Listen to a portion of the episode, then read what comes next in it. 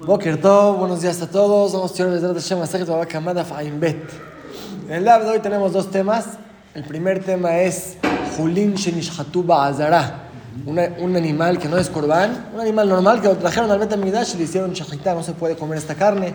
Vamos a estudiar si la shahitá se considera shahitá desde el principio hasta el final o solamente al final, ahí es cuando recae la shejita, es el primer tema.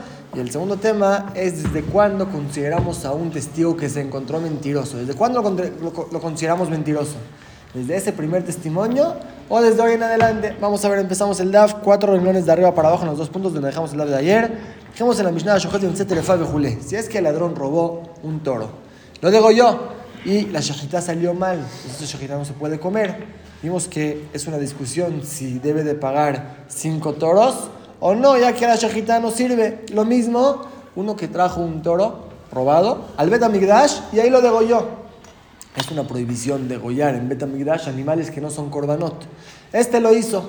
Esta carne ya no se puede comer. Si no se puede comer, según una opinión, no debe de pagar cinco toros porque no se considera shejita. Para definir una shejita como shejita debe ser que se pueda comer la carne. Dice la Gemara, amarle Rav Javier al Rabashi. Le dijo a Rav Javier al Rabashi, Shmamina, de aquí se entiende, de esta Mishnah, que en el shechita era levasov. ¿Cuándo recae la shechita? ¿Cuándo se considera que se le hizo shechita al animal? Solamente al final. Empezó a cortar, eso todavía no se considera como shechita hasta el final. Explica Rashi para qué nos interesa si la shejita desde el principio hasta el final. Hay muchos alajot, por ejemplo, un cohen que a la mitad de la shejita pensó que esto sea para otro nombre de corbán. En vez de shelamim, que sea para hatat.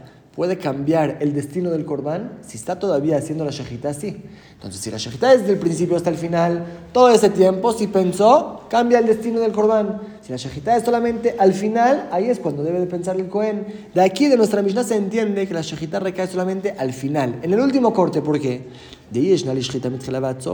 Porque desde el primer segundo que empezó a cortar, ya se llama que empezó la shejita que van de Shahat Bapurta a Sara, cuando empieza a cortar el cuello del animal en el Betamigdash, ya se prohibió el animal, ya se considera como Julin Azara, un animal normal que se degolló en Betamigdash. Idach, el resto, lo que sigue cortando, lo de Marekatabach, ya no es del dueño, ya está prohibido tener provecho de él. Se entiende que cuando solamente se considera Shahita, al final. Por eso al final, el último corte, ahí es cuando también lo degolló. Y también se considera Julin Bazara. No desde el principio. Amarle Rabuna Bre de Raba rechazó esta prueba. Rabuna, hijo de Raba, dijo: No, tal vez que Kamehaye o Purta, lo que la Torah lo obligó a pagar cinco toros, no es porque terminó de degollar el animal. Con empezar ya debe de pagar cinco toros. Entonces podemos decir que la Shechita empieza desde el principio y con puro empezar a cortar, ya se considera Shechita para que tengan que pagar. Amar Rabashi le dijo Rabashiloti, dije, no digas así. Utvajo, la Torah dice, y lo degolló, culo vaina. Necesita degollar todo el toro, no empezar a cortar. Vele que así empezó nada más, no se considera que lo degolló la calle. Entonces pregunta, ¿cómo se entiende esta alhaja? Si es que desde el principio de empezar a cortar ya se prohibió el animal, no se puede comer la carne. Después, cuando sigue cortando, ya no se considera como el toro del dueño, porque va a tener que pagar 4 o 5. Marle contestó, ¿sabes qué? Ajiyam Rabgamda Mishme de Raba. ¿Cómo explicó Rabgamda en nombre de Raba? Que Gon, estamos hablando, Él empezó a cortar, a degollar este toro afuera de la Azara, afuera del Betamigdash. Empezó, empezó, empezó, y justo en el segundo, donde termina la Shejitá, ahí lo metió adentro. Entonces, en el mismo momento también se hizo la prohibición de Julín Bazara y también degolló el toro robado. Ahí es cuando los dos llegan en el mismo momento. Podemos em, decir que en verdad, si empezaría dentro del Betamidash a cortar desde el principio, ya se llama que hizo Shejitá. El caso es que empezó afuera y terminó adentro. Esa es primera versión en todas estas preguntas y respuestas. Y que además hay quien lo dijo lo mismo, pero sobre otra discusión. Es otra versión de estas palabras. Rabbi Shimon dijo no Rabbi el anciano, en al el ¿Cuándo la Shejitá se define como Shejitá? Solamente al final. No desde el principio, nada más en el último, cuando termina de cortar el cuello, ahí se define como shejita. Rabbi Yohanan dijo, no, la shejita desde el principio hasta el final. Desde que empieza a cortar el cuello, ya se define como shejita, y si pensó ahí el cohen algo malo, ya se prohíbe el corbán. Amar Rav Javier a Rabashi. Y sobre esta discusión le dijo Rav Javier a Rabashi, Lema Kasabar Yohanan, digamos, a fuerzas debe de sostener a Yohanan, Julin la de Oraita, que esta prohibición de un animal que se degolló dentro del Betamigdash no es una prohibición de la Torah. ¿Por qué? Dice, al cada de oraita, porque si vas a decir que es de la Torah, entonces no se entiende nuestra Mishnah. Ni Kishahit la purta, desde que empezó a degollar el animal, empezó a cortar el cuello, según Rabbi Hanan, ya empezó la shejita a Sara. Entonces ya se prohibió esta carne, lo, lo cortaron, lo degollaron dentro del Betamigdash y no es un corbán. Y todo el resto del cuello, y al de Maracataba, ya no es del dueño ya está prohibido de tener provecho. Entonces, ¿entiendes según Rabbi Hanan? La única opción para explicar la Mishnah es diciendo que esta prohibición de la carne no es de oraita, por esto este ladrón cuando degolló el animal va a tener que pagar cuatro o cinco. Amar, Rabaja de Raba, aquí viene la respuesta. Rabaja dijo de Raba, dijo no, tal vez me Aupurta, lo que la Torah obliga al ladrón a pagar el toro degollado, es por eso poquito que empezó a cortar, ya se considera que degolló el toro. Amar Rabashi dijo Rabashiloti, dije, no puedes decir así. Utvajó, la Torah dice y lo degolló. Kulobainan es terminando de cortarlo. Degollar es matar el animal. Vele, que empezar, empezar a cortar nada más no lo mata. En la calle. Entonces, ¿qué hacemos según Rabbi Yohanan con nuestra Mishnah? Si según Rabbi Yohanan la shejita empieza desde el principio hasta el final, entonces cuando empezó a cortarle el cuello al animal en el Betamigdash, ya le prohibió toda esta carne, ya no se puede tener provecho de ella, ya no se considera de su dueño. Cuando termina de degollar, ¿por qué lo vas a obligar a pagar cinco toros? Amarle le contestó a Rafgam de Mishme de Raba, así explicó a Rafgam de nombre Raba, aquí que Kamehai, el caso que va a tener que pagar es que Gon, Sheshahat Mixat Simanim Bajutz Gmaran Bifnim, empezó a cortar el cuello afuera del Betamigdash, afuera de la Hazara, cuando ya llegó justo al punto que ya iba a ser ahí la Shejitá, lo metió, hizo la Shejitá, pues en el mismo momento también se prohibió y también degolló el toro, va a tener que pagar cinco toros. Con esto terminamos el primer tema del DAF, Julin Shenishatuba Hazara. Y pasamos a la segunda parte del DAF. Vamos a ver una Mishnah que habla de testigos que los desmintieron. Encontraron que son testigos falsos. Y en los siguientes 3, 4 dapim vamos a hablar de todo este tema de testigos que los desmintieron, cuándo se consideran testigos mentirosos, cuándo no. Vamos a ver unos casos en la Mishnah, después vamos a ver una discusión interesante en la Gemara. Primero la Mishnah dice, ganaba el Pishnaim si es que robó delante de dos. Quiere decir, llegó un grupo de testigos y dijeron, nosotros vimos que Reubén robó este toro. Betabajo Majar al pie. Y ellos mismos dos atestiguan que degolló el toro o lo vendió. Ahora resultó que son mentirosos. Llegó otro grupo de testigos y desmintió al primer grupo. Meshalmim Akol. Deben de pagar todo lo que tramaron de cobrarle a este Reuben Hazid que no hizo nada. Que cuando querían cobrarle, cinco toros. Pagan cinco. Atestiguaron que también robó y también lo degolló, vendió. Querían cobrarle cinco toros, pagan cinco a Reuben ganaba el Pishnai, me el Pishnai Majerim. Pero si vinieron dos testigos y dijeron, nosotros vimos que robó. Llegaron otros dos y dijeron, nosotros vimos que lo degolló. Si ahora los dos grupos de testigos se encontraron mentirosos, los primeros, ¿cuánto querían cobrarle? Kefel, doble, es lo que van a pagar. Y los otros dos, si querían aumentarle otros tres toros, para que sean cinco, van a pagar tres toros. Cada uno paga lo que tramó cobrarle a este Pobre hombre que hablaron mal de él. Si solamente el segundo grupo resultó que mintió, este ladrón sí robó, pero no degolló y no vendió, entonces, ¿qué sí va a tener que pagar? Pues llegó otro grupo y dijo, nosotros vimos que degolló, vendió y mintieron. Ahí uno que él debe de pagar el doble, como cualquier ladrón. De y ellos que quisieron cobrarle otros tres toros, le van a pagar tres toros. Salió ganando. Se robó un toro, va a tener que pagar dos y le van a pagar tres. Salió ganando un toro. Hay una alhaja que si solamente uno del grupo salió mentiroso, el otro nunca dijimos que es mentiroso. Dijeron vinieron y dijeron solamente sobre uno del grupo que es mentiroso. Entonces ahí no podemos recibir el testimonio porque uno de los dos es mentiroso, pero no lo castigamos. Para castigar a un testigo mentiroso debe ser que los dos juntos los desmintieron. Si se encontró solamente uno del último grupo que fue mentiroso, se cancela el segundo testimonio. Se encontró uno del primer grupo mentiroso, ahí Batlaco la Edut. Se cancela tanto el primer testimonio, tanto el segundo. Porque si no robó, no pasa nada que lo degolló. Llegan los testigos y dicen, nosotros vimos que Rubén degolló este toro. Bueno, tal vez es de él. ¿Quién dijo que es robado? Debes de apoyarte en el primer testimonio, que era robado, ya que este testimonio se canceló porque uno de los dos lo encontramos mentiroso ya no hay ningún testimonio aquí, se cancela todo y este hombre no debe de pagar nada. Son los casos de la Mishnah. Y ya que hablamos de testigos mentirosos, la Gemara va a tener una discusión entre Abay y Raba. Cuando un testigo lleva testiguando, atestiguando ya 10 años y ayer lo desmintieron sobre un testimonio de hace 10 años. Ahora llegó un grupo de testigos y dijeron, ese testigo, el testimonio de 10 años que dijo, fue falso, fue mentira, lo desmintieron. Este testigo resulta que desde hace 10 años ya era un testigo mentiroso. ¿Se cancelan todos los testimonios de 10 años de atrás para acá? ¿O no? Desde hoy en adelante lo consideramos como mentiroso, pero todo lo que ya testiguó hasta hoy, no. Es la discusión entre Valle y Raba. Itmar estudiamos Edzomem, un testigo que se encontró que es falso. Valle amarle Mafra Unifsal. Según Valle, se cancelan todos sus testimonios retroactivamente.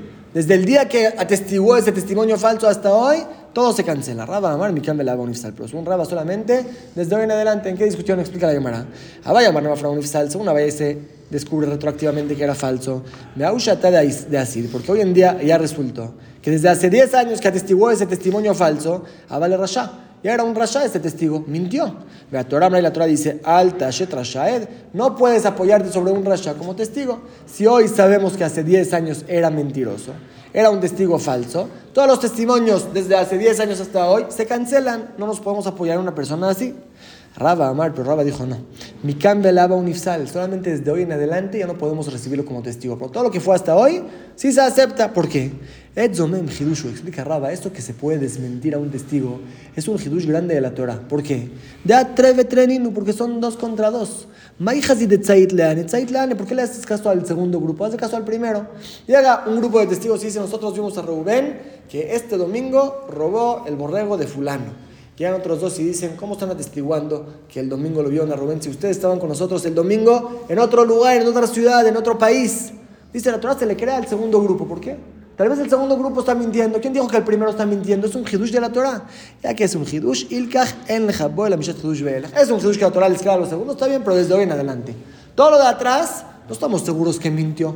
Puede ser que sí, como dice en el segundo grupo, puede ser que no. Entonces, de hoy en adelante la Torah dijo ya no los puedes recibir a estos testigos, son testigos falsos, pero de lo que pasó hasta hoy se aceptan los testimonios, así dice Raba y qué de hambre. Hay quien dice otra razón a lo que dijo Raba, que Raba me que vayas a de manera En verdad, Raba sostiene que debería ser como Abaye, que todo retroactivamente se cancela. Si hace 10 años mintió, resulta que ya lleva 10 años mintiendo, no se puede apoyar sobre él. De Ajaim también de Raba, el motivo de Raba que dice que si nos podemos apoyar sobre todo lo que pasó hasta hoy es Mishum Pseida de la Cojot. Jajaim sospecharon por el bien de los clientes. Este hombre nadie sabía que es mentiroso. Lo tomaron como testigo en varios documentos, que ahora vas a cancelar documentos todos 10 años para atrás hasta hoy. Vas a hacer perder mucha gente. Por eso Jaime dijeron, nos podemos apoyar, aunque en verdad no deberíamos apoyarnos sobre un mentiroso, ya que nada más hoy se descubrió desde hoy para adelante. Son dos razones para explicar el motivo de Raba, que es desde hoy en adelante. May Benayu, ¿qué diferencia hay entre estas dos razones en la opinión de Raba? Hay dos casos. Primer caso, de Asidu Betrelejad Betrelejad si es que llegaron dos testigos contra uno y otros dos contra el otro. Llegó un grupo de testigos, dos testigos para testiguar que Rubén lo robó a Shimón. Llegan otros cuatro testigos.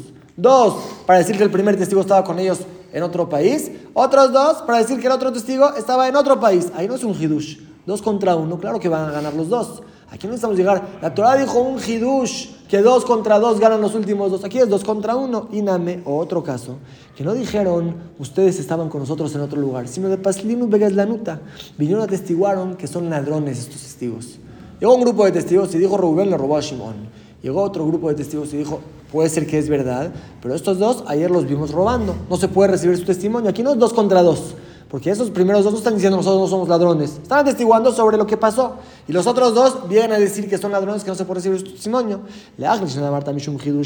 Según el primer, la primera razón en Raba, que solamente doy en adelante porque es un hidush que la Torah dijo. Aquí no es ningún hidush. Pero según la segunda razón de Raba, que sospecharon Jajamim al bien de los clientes, la gente que usó a este testigo 10 años va a salir perdiendo. Aquí también, aunque no hay un hidush, aunque sí le deberíamos hacer caso a los segundos testigos, pero igual, por el bien de los clientes, se aceptan todos los testimonios que hubieron hasta hoy.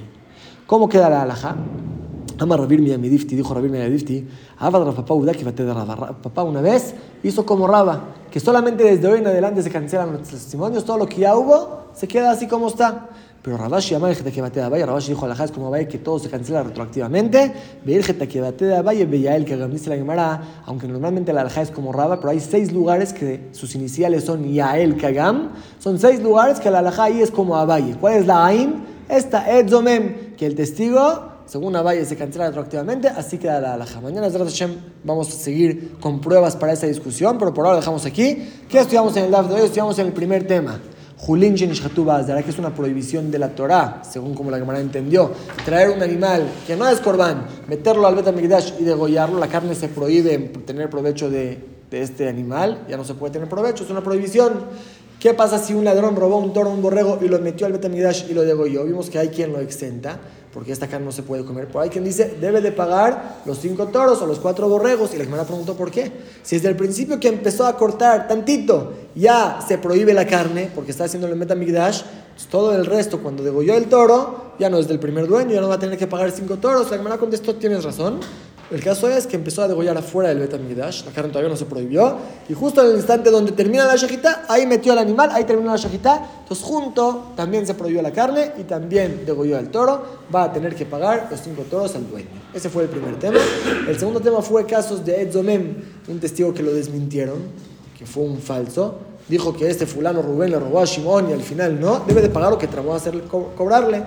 Si él solamente atestiguó que, que, robó, va a pagar solamente Kefe, el doble. Si atestiguó que también lo degolló, lo vendió, va a tener que pagar 5 o 4, lo que quiso, que el otro pague, es lo que el testigo va a pagar. Y estudiamos la discusión entre Abba y Raba cuando hoy se descubrió que hace varios años, o hace meses, o hace un tiempo, este testigo que está atestiguando mintió. Todos los testimonios desde ese día que mintió hasta hoy, ¿se aceptan o se cancelan? Según Abaye, que la alhaja es como él, Sí, se cancela todo. Se resultó que era mentiroso desde ese día. Ya se canceló todo, pero según Rabba no. Solamente hoy en adelante. ¿Por qué? Dos razones. O porque es un hidush que natural le crea los segundos testigos que desmientan a los primeros. Tal vez los primeros están diciendo la verdad. Es un hidush solamente hoy en adelante. O aunque en verdad se debería de cancelar retroactivamente, pero por el bien de la gente, por el bien del mercado, que ya mucha gente usó a este testigo, no puedes cancelar todo retroactivamente. Por eso dijeron solamente hoy en adelante. Pero como dijimos, la como Valle, un testigo que se encontró falso, se cancelan todos los testimonios retroactivamente desde el día que mintió hasta hoy. Es lo que estamos en el de hoy.